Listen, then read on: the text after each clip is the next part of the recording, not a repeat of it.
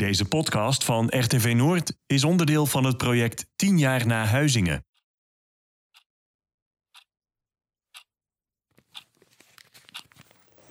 Beste Nationale Coördinator, mijn naam is Esmee. Ik schrijf deze brief omdat ik heel graag wil vertellen wat het met mij doet. Twee jaar geleden moesten wij uit huis, omdat ons huis onveilig werd verklaard. Dat was een ontzettend zware periode voor ons. Ik wist niet meer wie ik was en belandde op het verkeerde pad. Het heeft mij en mijn ouders ontzettend veel moeite gekost om weer op het goede pad te komen. Het huis zou verstevigd worden, nu twee jaar later is er niks beter geworden. U zegt elke keer dat er wat gaat gebeuren, maar zeer spijtig zie ik helemaal niks. We wonen hier in een huis wat niet thuis voelt voor mij. Ik beschouw het als opgestapelde stenen die omvalt als je er zacht tegen slaat. Weet u hoe het is om al twee jaar lang te kamperen in je eigen huis? Ik denk het niet. Ik mis de lekkere gerechten van mama. Het samen koken, bakken. Mama weet nog elke avond lekker eten op tafel te zetten. Ik vind dat ontzettend knap. Ik zou het niet weten als ik in haar schoenen zou staan. Ik mis de tijd dat we leuke dingen met elkaar deden. Er is altijd iets met het huis. Ik woon hier, dat is het. Wat gaat er om in het hoofd van een jonge inwoner uit het hart van het Groningse aardbevingsgebied, die op 14-jarige leeftijd een lange brief schrijft aan de Nationaal Coördinator Groningen? Dit is Verscheurde Jeugd, 10 jaar na Huizingen, aflevering 2, De bodem van de put.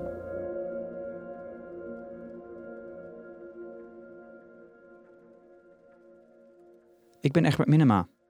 In deze serie portretteer ik voor RTV Noord enkele jonge Groningers die hun leven lang te maken hebben gehad met de aardbevingen die door de gaswinning zijn ontstaan.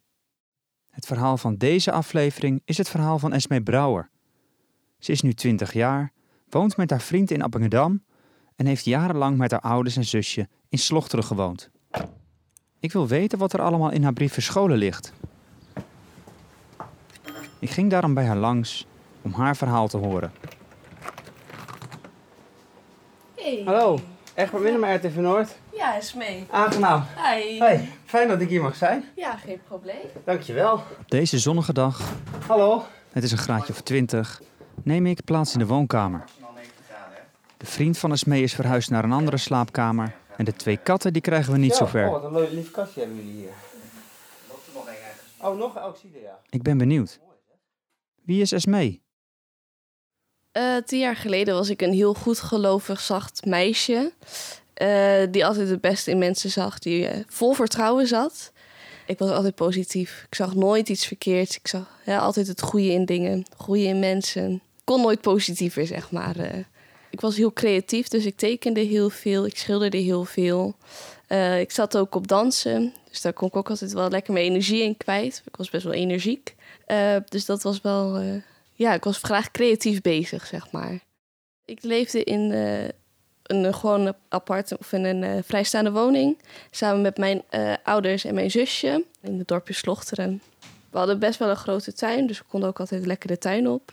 Ik was ook graag gebonden aan de tv. dus ik zat ook heel veel eh, tv te kijken. Gewoon even lekker relaxed. Vond ik altijd wel lekker op de bank even weer rustig. Na een lange dag gewoon even rustig bijkomen op de bank en lekker tv kijken. En soms met de kleurboeken op mijn schoot en dan lekker erbij kleuren. Het was altijd levendig in huis.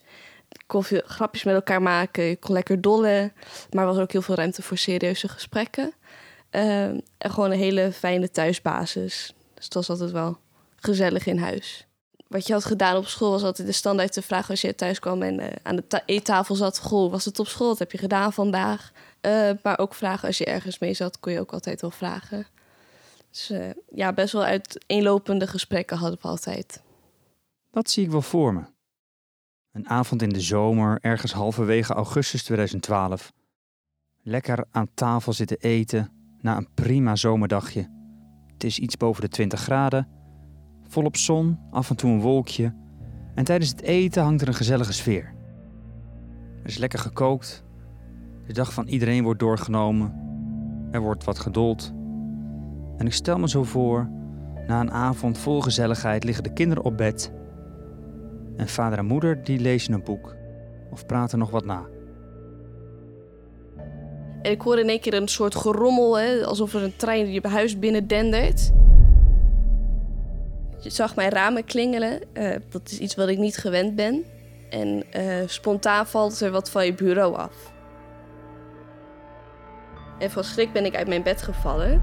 Toen ben ik naar beneden gesneld ehm, en naar mijn ouders toe gegaan. Helemaal in paniek, helemaal in de stress.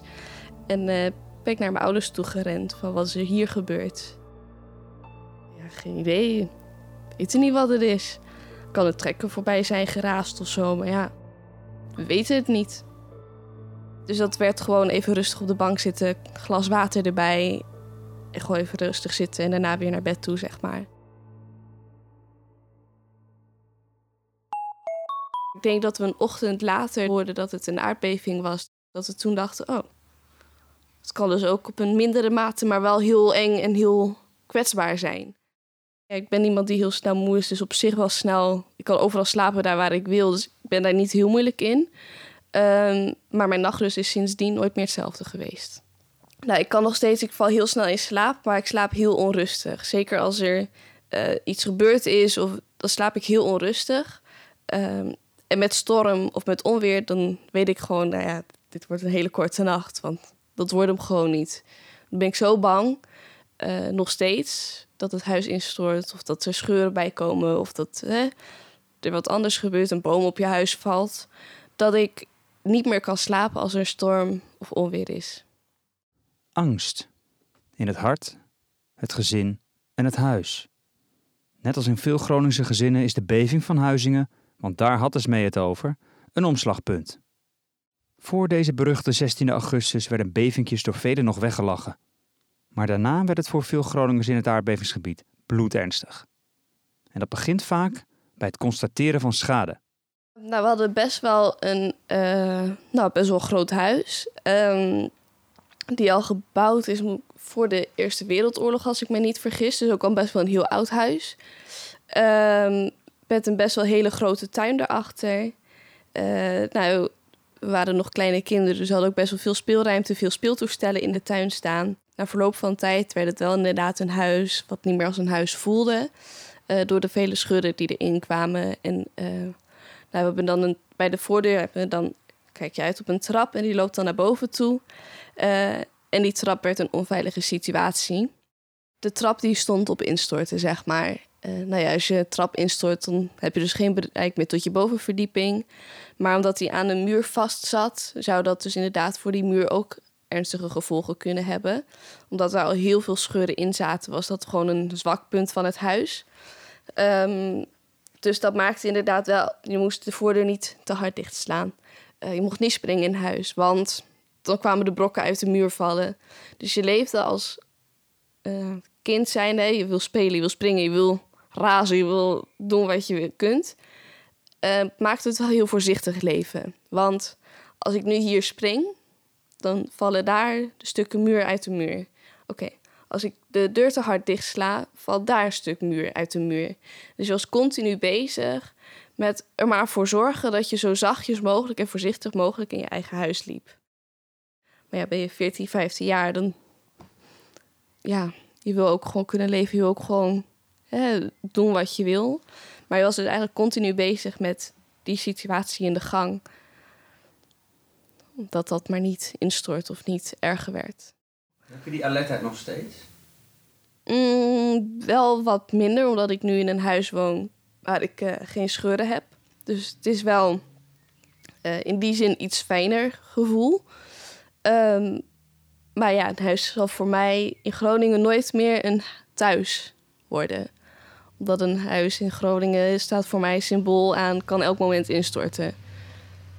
Dit symbool komt ergens vandaan, want in Huizen Brouwer kent iedereen dit. En dat gaat ze bepaald niet in de koude kleren zitten.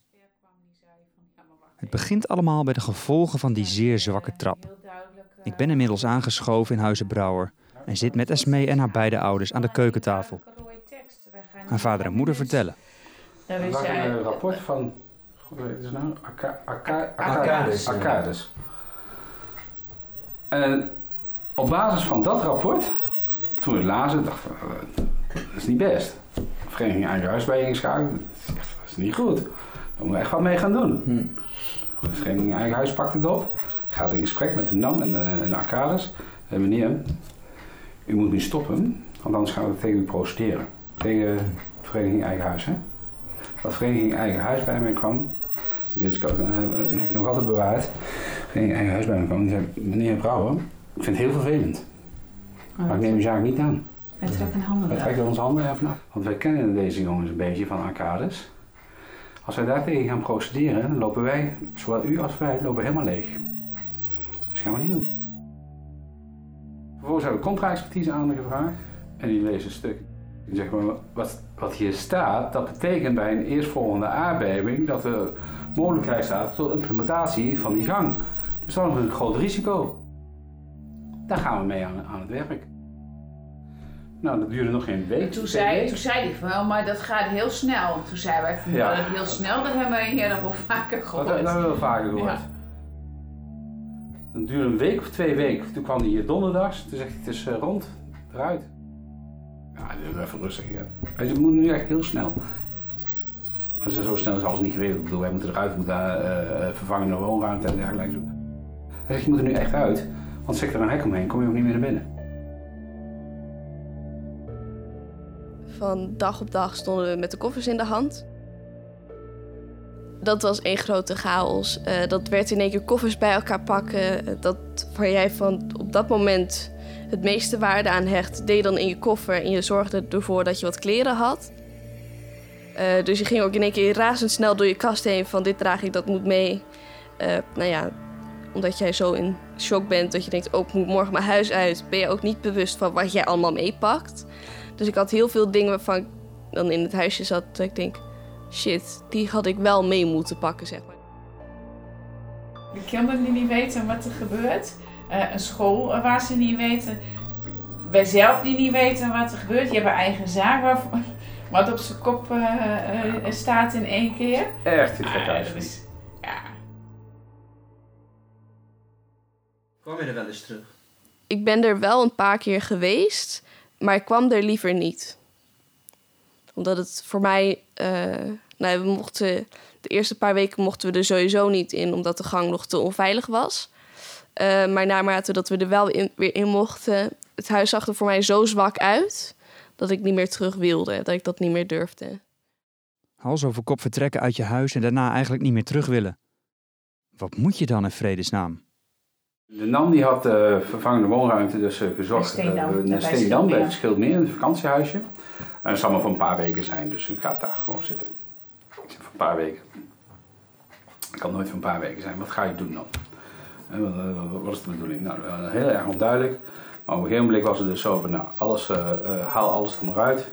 Dan pakken we die, eh, die gang wordt aangepakt, die wanden en dergelijke worden aangepakt. En we trekken meteen alle scheuren, eh, gaan we dicht eh, trekken. Gaan we wokkels inzetten, en zowel in binnen en als, als de buitenkant. Toen zei ik, ja maar wacht even. Dat is niet met een paar weken gebeurd. Hè? Dat, dat gaat langer duren. En wij gaan niet de hele tijd in dat vakantiehuisje eh, zitten. In de wintermaanden. Zaten van die Poolse eh, gastarbeiders, als die blagen naar de speeltuin gingen, zaten die Poolse gastarbeiders aan het bier te zuiven. Ik zei, dat gaat niet worden.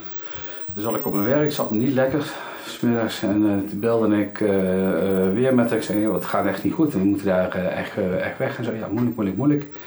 En toen zegt ze, ja, anders moeten we toch eventjes kijken wat mogelijk is, maar ook met die andere woning. Ik zei, nou, ik moet zo dadelijk naar Assen.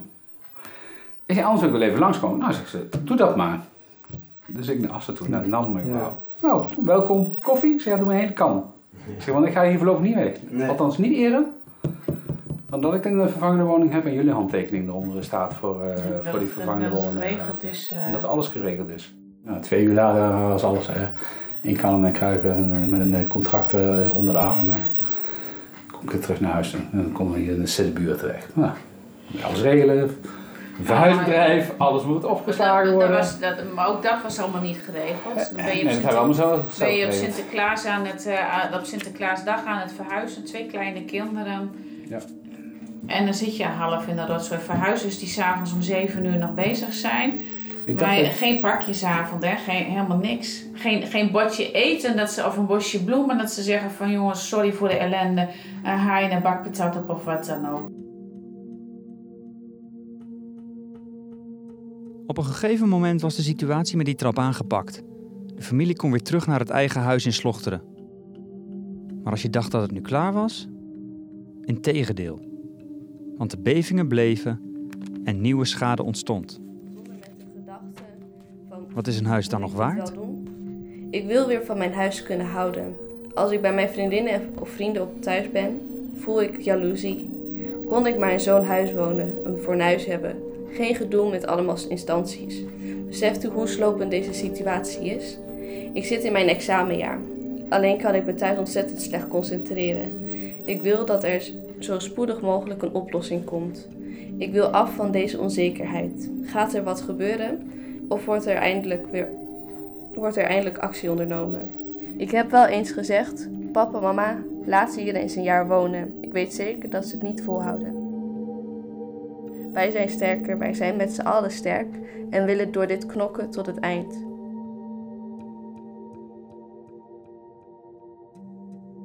Nou, wij hebben in de, de periode 2017. Ja, toen liepen we nog te zeulen. We hadden ondertussen van de eerste keer dat we eruit geweest zijn, een schadeherstel, daar hadden we al dik 20.000 euro zelf bij ingestoken. Even uit eigen potje. Ja. Ehm, nou, dan is, maar dan is het dus nog niet. Dan ben je nog aan het touw trekken. Toen zeiden we van, uh, koop ons maar uit. Ik bedoel, jij was ondertussen bij huis. Ik was bij huis. Jouw neef was ziek. Ehm, en daarvoor wisten we dat hij niet meer, niet meer zou herstellen. Wij zeiden van, dan kopen we ons maar uit. Dan gaan we hier weg. Dan gaan we verhuizen. Als we ons hadden laten uitkopen, zouden we blijven zitten met een schuld van anderhalve ton. En op straat staan economisch geen binding meer, sociaal geen binding meer. Uh, een schuld achter je, lange wachtlijst bij de woningbouw, want je komt niet op de urgentielijst. Dus dan moet je particulier gaan huren. Nou, met een schuld van anderhalf ton kom je ook niet meer aan de bak. Dat we, dat we zeiden van ja, wat is dit? Nou, toen, waren, toen, toen zijn we vanuit mijn zaak zijn we uh, een weekend naar, of een uh, midweek naar Denemarken geweest, zijn we bij de leverancier op bezoek geweest. En toen kwamen we terug en toen zei hij, nou, ik zeg, ik ben twee dagen weg geweest. Ik heb twee dagen ruimte gehad om adem te halen. Ik zeg, ik ben terug en alles is weer terug bij af. Ik zeg, alle stress, alles, alles, alles uh, is weer binnen en alles is ook weer terug. We kookten nog steeds op een uh, elektrisch kook, twee, twee pits elektrisch kookplaatje hier zonder keukenblok erin. We konden niet afwassen, noem het maar op. En je ging in een krat in de bad. Ja, omdat we zeiden van... Uh, de, keuken lag hier, lag hier nog helemaal open en alles. Toen, toen zaten we op een gegeven moment, toen hebben we hier om de tafel gezeten en we zeiden van nou, wat gaan we doen? En jij zei, ik ben er helemaal klaar mee. we zeiden van, we pakken een jerrycan met benzine. Die gieten weer leeg vuurtje erbij, de hens erin en weg. Dat was onze enige uitweg. Dat we zeiden van, we doen, we nemen de kinderen mee of nemen de kinderen niet mee. Dat je gewoon echt gewoon geen uitweg meer ziet, geen mogelijkheid meer ziet, geen redding meer ziet. Zover zijn we weg geweest. Dat is wel intens. Zover zijn we weg geweest. Dat we echt zoiets hadden van, hoe komen we hier niet meer bovenop? En je ziet gewoon dat je elke maand 1000 euro tekort komt om te kunnen leven, om alles te kunnen betalen. Bedrijf gesloten. Familie waar je, om, waar je omgeven, waar je gek mee bent, die, die, dat komt te overlijden. Je, kunt, je kan er niet eens bij zijn. Nee. Ja, bij kinderen die je geen toekomst meer kunt geven, ja, dan ben je heel ver weg. Dan zak je echt heel ver weg.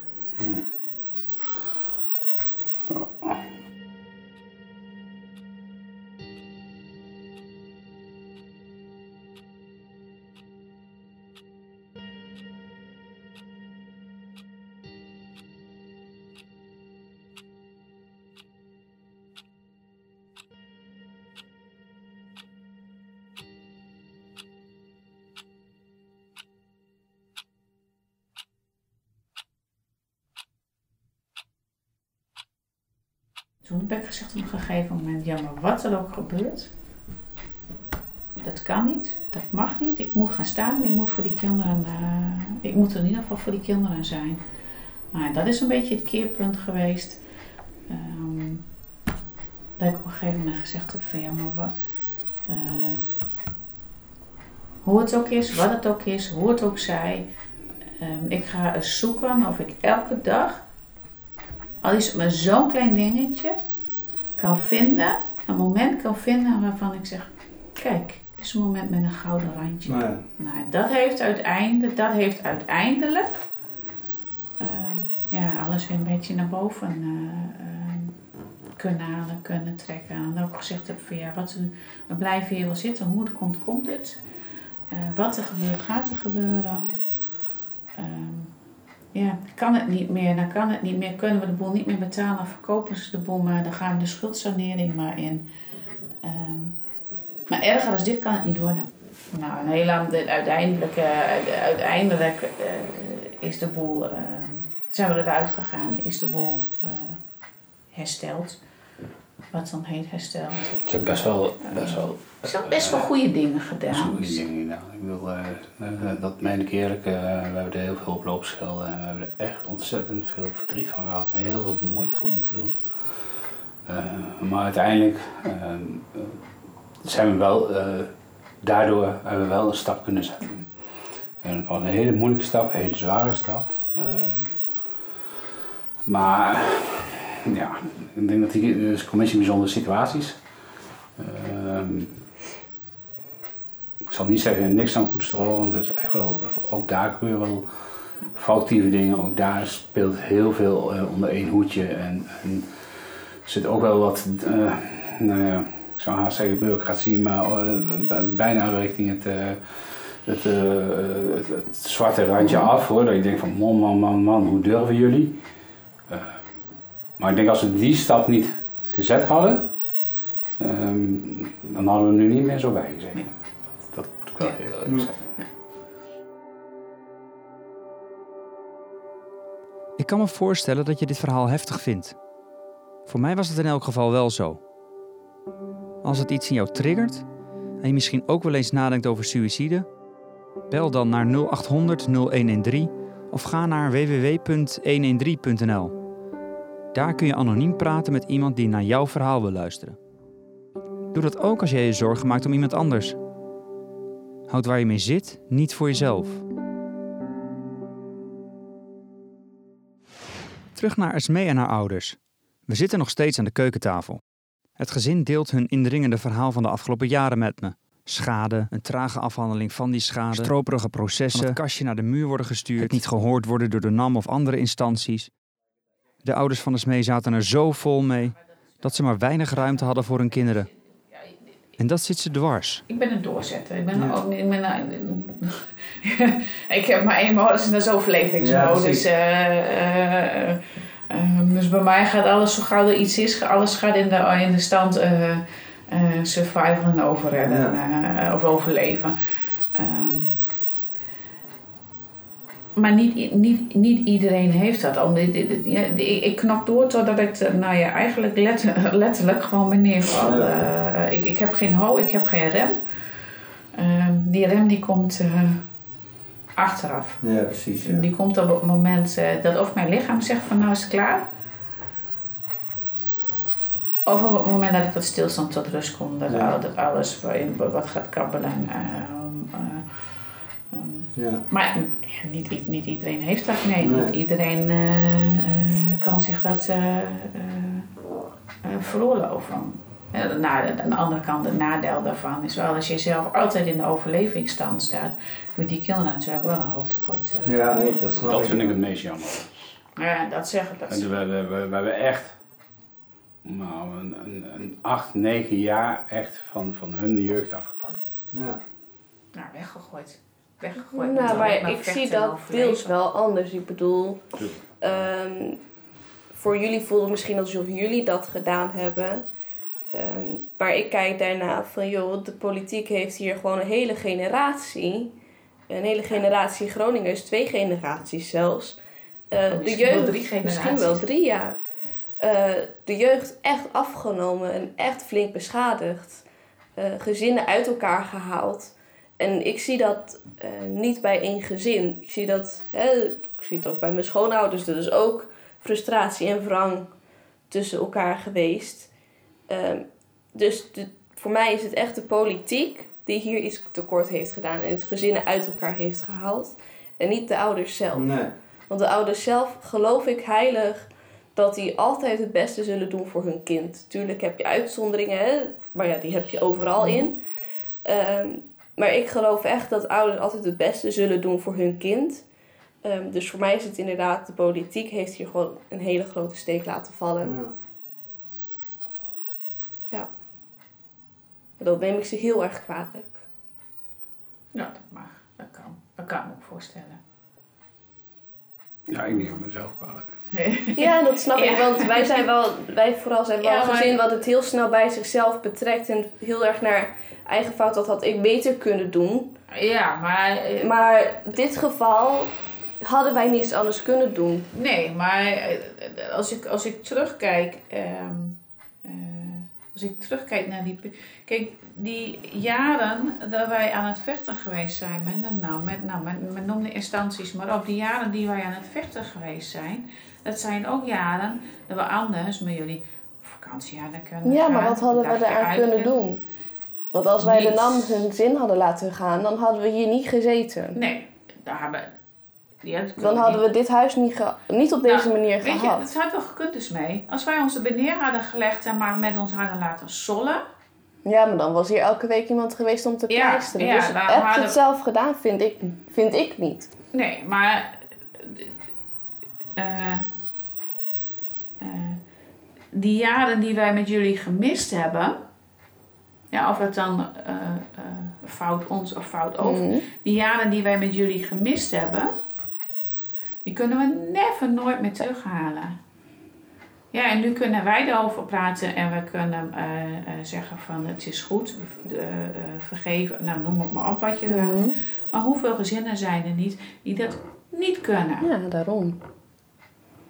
Daarom die zijn de legio. het juist jullie niet kwalijk, maar juist de overheid. Omdat zij... eh, ik vind dat zij nu gewoon een stap moeten maken... eh, met in elk geval hun fout erkennen. Dat doen ze niet. En dat klinkt daar heel hard in. Ehm, maar ik vind niet dat zij hun fout erkennen. Het is dan wel een beetje slap gelul. Ehm, maar ik vind als zij beginnen met hun fout erkennen, dan zal in elk geval ons waardigheid iets meer terugkomen dat wij nu niet als leugenaars uitgemaakt worden. Ehm, zij erkennen hun fout niet, dus het zal nu voor altijd zijn, vooralsnog zijn. eh, de Groningers zijn aanstellers, de Groningers hebben het. eh, Nee, dat klopt. Ehm, maar ik denk dat de eerste stap al is als de politiek eh, en de regering de fout erkent en daadwerkelijk een oplossing zal Mhm. zoeken en gaan oplossen. Dat ook. Maar dat dan de eerste stap al gezet is. In elk geval in een eerste stap als in wij worden erkend. We worden erkend dat wij niet de leugenaars zijn. Dit gesprek gaat nog even verder. Duidelijk is dat Esmee geen vertrouwen meer heeft in de politiek en de overheid. De wonden die zijn geslagen zijn diep en de roep om actie is sterk. Je proeft het in het laatste deel van Esmees brief. Maar voor mij is het nu op. Ik moet voor school een profielwerkstuk schrijven en doe het over aardbevingsbestendig bouwen. Ik had niet verwacht dat het zo zwaar zou zijn. Diep van binnen schuilt woede, onbegrip. Ik wist dat het er zat, maar zoveel had ik niet verwacht. Ik merkte het toen ik een enquête maakte. Ik bedacht grovere vragen. Ik wil zo graag dat er iets wordt gedaan. Dus ik vraag u, zou u alstublieft eindelijk met een oplossing willen komen? Ik wil zo snel mogelijk duidelijkheid hebben. Groet Esmee. De brief is inmiddels zes jaar oud. Er is veel gebeurd. Esmee en haar ouders zijn daardoor blijvend veranderd. Ze kijken nu anders naar het leven. Nou, heel, heel simpel voorbeeld is nu de, de, de huidige schademelding die we hebben lopen. Ja. Hè, dat ligt al meer dan een half jaar eh, eh, ligt dat te wachten. Dan, krijg, ik, eh, dan ga, ik, ga ik er weer eens een keertje een mailtje achteraan sturen. En zeggen, oh ja, sorry, ik moest nog een handtekeningetje daarvoor hebben. Nou, een handtekeningetje daarvoor. Ik maak me er totaal niet meer druk om. Nee. En je wordt heel cynisch in. eh, Want nu ook, eh, ik krijg dan eh, een, een schadebedragberekening en dergelijke. Zeggen ze voor 8000 euro, maar, 7000, zo, maar voor 8000 euro zeg maar, eh, eh, kunt u het laten herstellen? Ik zeg, oeh, ik laat niks herstellen. Jij denkt dat je het voor 8000 euro rondkrijgt. Ik niet, zeker niet gezien de gestegen eh, grondstofprijzen. Maar ik wens jou veel succes om het voor 8000 euro te repareren. Want ik ga er niet meer in stinken. Ik heb het al tot twee maal toe, eh heeft me al bakken vol geld eh, gekost. Waarvan de eerste keer echt dik over de 20.000 euro eh, ging. Dat ga ik niet nog een keertje doen. Nee. Dus ik heb nu alles Succes. Jij denkt dat het kan? Je neemt alles een beetje met een maar. korreltje zout. Wat er gezegd wordt, alles neem je een beetje met een korreltje zout. Van, maar Je kan mij het maar. reet roesten, succes. Maar, dat, en, maar ik denk dat dat wel iets is waarvan wij eigenlijk allemaal nu wel zoiets hebben. Ehm, ja, er zijn meer dingen in het leven die belangrijk zijn dan alleen deze bak met stenen. Ja. En is dit huis nog je huis? Nee, dit huis is niet meer mijn huis. Ja, ik woon en ik heb een dak boven mijn hoofd. Eh, en ik kan mijn potje eten koken en ik kan eh, gezellig televisie kijken. Ehm, maar iets wat van mezelf is, is het niet meer. Nee. Het is niet, het, het- is niet meer eh, het plekje waar wij in 2003 verliefd op geworden zijn. Dat is het niet meer. Het doet natuurlijk pijn, maar geeft dat ook lucht op een bepaalde manier? Ja, Ja. Dat, maakt, dat maakt dat je het kunt handelen. Ja.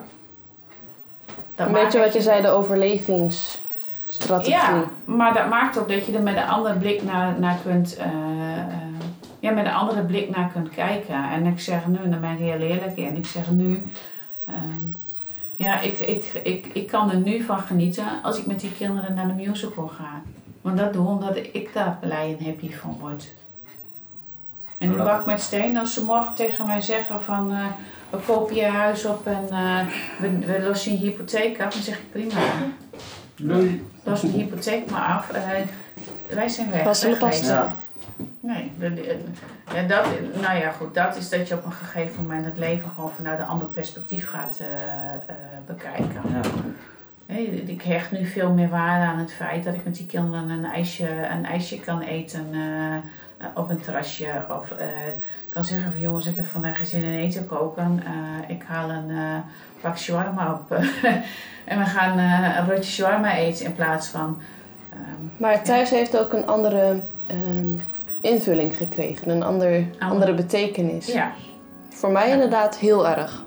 Een heel andere Ja. betekenis dan dat Ja. er aan zat. een huis, is- een huis is vervangbaar. Ja.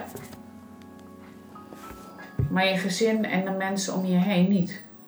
Nee. Herinneringen maak je. En dat zit niet in een stuk materiaal gekleefd. eh. Nee.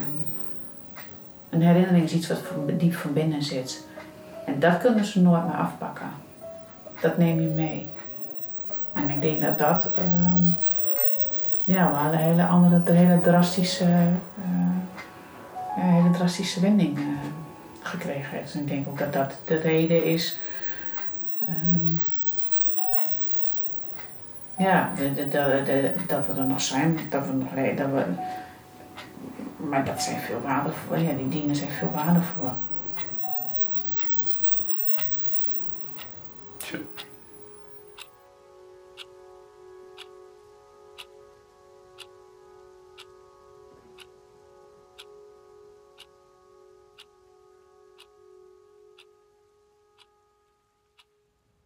Dit was het tweede portret in de RTV Noord-serie Verscheurde Jeugd, 10 jaar na Huizingen. Over Groningse jongeren die een groot deel van hun leven met aardbevingen en de schadelijke gevolgen van de gaswinning te maken hebben gehad. In de volgende aflevering hoor je het verhaal van de 15-jarige Milou uit Zeerijp. Ik was met twee vriendinnen van mij ook uit Loppersum en we hadden vergiet op ons hoofd. En eh, we hadden zo'n eh, bordje zo van vergiet ons niet. Wat- Maar, Wat deed het nou met jou dan? Het was wel, eh, Hoe voelde, wat voelde, voelde je erbij dan? nee, het was wel met z'n allen. Kennen jullie angst? Ja, wel. Als die komt, dan heb je dus nog een half uur om je huis uit te komen en daarvoor wordt het verstevigd. Dat is best wel heftig. Abonneer je op deze serie via je podcast-app om op de hoogte te blijven van nieuwe afleveringen. Laat ook een reactie achter via je podcast-app of via e-minima.rtvnoord.nl. En deel deze verhalen met familie of vrienden. Want zo kunnen meer mensen deze indringende verhalen horen.